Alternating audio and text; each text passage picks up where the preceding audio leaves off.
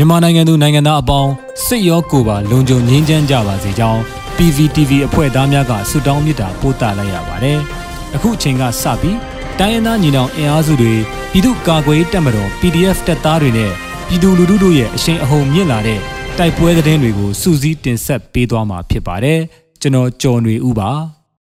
ပထမဆုံးတင်ဆက်မှာကတော့ကိုညံကုန်းမြို့မှာစစ်ကားပစ်ခတ်တိုက်ခိုက်ခံရလို့စစ်ကောင်စီတပ်သား9ဦးသေ73ဦးဒဏ်ရာရရှိတဲ့တဲ့တင်မှာ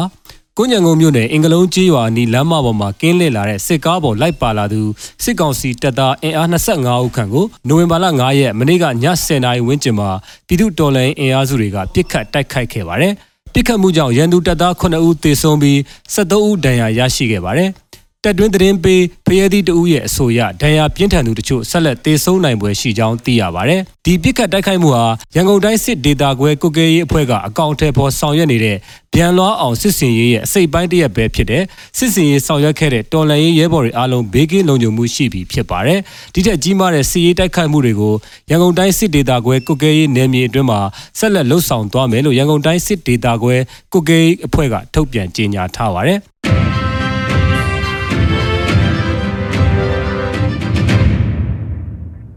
ဆက်လက်ပြီးပင်လယ်ဘူးမှာစစ်ကောင်စီတပ်နဲ့ PDF တိုက်ပွဲဖြစ်ပွားပြီးစစ်သားအနည်းဆုံး40ကျော်တေဆုံးက PDF 9ဦးကြာဆုံးတဲ့တဲ့တင်တင်ဆက်ပေးမှာပါ။စကိုင်းတိုင်းပင်လယ်ဘူးမှာစစ်ကောင်စီတပ်များနဲ့ PDF တပ်များယမနေ့နိုဝင်ဘာလ9ရက်နေ့မှာတိုက်ပွဲဖြစ်ပွားပြီးစစ်သားအနည်းဆုံး40ကျော်တေဆုံးကပြည်သူ့ကာကွယ်ရေးတပ်သား9ဦးကြာဆုံးကြောင်းပင်လယ်ဘူး Revolution ကပြောပါရယ်။ နိုဝင်ဘာလ9ရက်နေ့နနက်ပင်လယ်ဘူးမြို့နယ်မလိန်တုံပင်တုံကျေးရွာအနီးမှာပင်လယ်ဘူး PDF နဲ့စစ်ကောင်စီတပ်များတိုက်ပွဲဖြစ်ပွားကြောင်းအဆိုပါတိုက်ပွဲမှာ PDF တဦးကြာဆုံးကြောင်းယနေ့မှလည်းတိုက်ပွဲထပ်မံဖြစ်ပွားပြီး PDF ၄ဦးထပ်မံကြာဆုံးကြောင်းစစ်ကောင်စီဘက်ကစစ်သားအနည်းဆုံး40နဲ့50ကြားတေဆုံးကြောင်း စစ်ကောင်စီတပ်ကစစ်ကြောင်း၄ကြောင်းဖြင့်ထိုးစစ်ဆင်နေကြောင်းပင်လယ်ဘူး Revolution ကတာဝန်ရှိသူကဆိုပါတယ်။တိုက်ပွဲများမှာကြာဆုံးသွားတဲ့ PDF ရဲဘော်များမှာရွှေဘိုမှ2ဦး၊သခိုင်းမှ2ဦး၊ရေဦးနဲ့ခင်ဦးမှ2ဦးစုစုပေါင်း9ဦးဖြစ်ကြောင်းသိရှိရပါတယ်။စစ်ကောင်စီတပ်များဟာအင်အား900ခန်းနဲ့အထက်သခိုင်းကိုထိုးစစ်ဆင်နေပါတယ်။သခိုင်းတိုင်းအောက်ပိုင်းမှာလည်း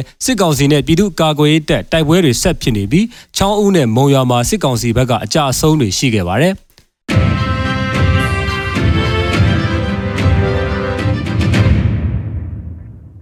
ဆက်လက်ပြီးစစ်ရင်တန်းကိုတမူး PDF ကမိုင်းခွဲပစ်ခတ်တိုက်ခိုက်ခလာရ89မှာဒုအရာခံဗိုလ်တဦးတေဆုံးကစစ်သား3ဦးဒဏ်ရာရတဲ့တဲ့တင်ကိုတင်ဆက်မှာပါ။စကိုင်းတိုင်းကလေးမျိုးမှတဆင့်တမူးမျိုးဘက်သို့ထွက်ခွာလာတဲ့စစ်ကောင်စီတပ်သား12ဦးခန့်ပါရှိတဲ့မော်တော်ယာဉ်နှစ်စီးကိုနိုဝင်ဘာလ9ရက်မွန်းလွဲတနာရီခန့်မှာရန်လင်းဖိုင်ကြေးရွာနဲ့ ဝိတုတ်ကျေးရွာကြား၌တမူးမြို့နယ်ပြည်သူ့ကာကွယ်ရေးတပ်မတော်တပ်ရင်း3ကမိုင်းခွဲပြီးပစ်ခတ်တိုက်ခိုက်ရာကလေးမြို့ဒေသကွက်ကဲမှုစစ်ဌာနချုပ်ခလာရ89မှအရာခံဘူတဦးတေဆုံးခဲ့ပြီး3ဦးဒဏ်ရာရရှိကြောင်းတမှု PDF တပ်ရင်း3ကသတင်းထုတ်ပြန်ပါတယ်။တပ်သား12ယောက်ပါတဲ့စစ်ကောင်စီကား2စီးအားတမှု PDF တပ်ရင်း3ကအသင့်ဆောင်ဆိုင်ပြီးမိုင်းခွဲခဲ့ကြောင်းနှစ်ဖက်ပစ်ခတ်မှုသည်နိုင်ဝက်ခန့်ကြာမြင့်ပြီးစစ်ကောင်စီတပ်မှတေဆုံးသူဒုရာခံမှုအလောင်းကိုပစ်ထားကကလေးဘက်သို့ပြန်လည်ဆုတ်ခွာသွားကြောင်း MA3 တလက်ကြီးပေါက်3ခုကြီးစံအချို့ဖုံးတလုံးနဲ့ငွေအနေငယ်သိမ်းဆည်းရမိခဲ့ကြောင်း PDF တမှုတက်ရင်သုံးမှတပ်ဖွဲ့ဝင်များထိခိုက်မှုတစုံတရာမရှိဘဲပြန်လည်ဆုတ်ခွာနိုင်ကြောင်းသတင်းထုတ်ပြန်ထားပါတယ်။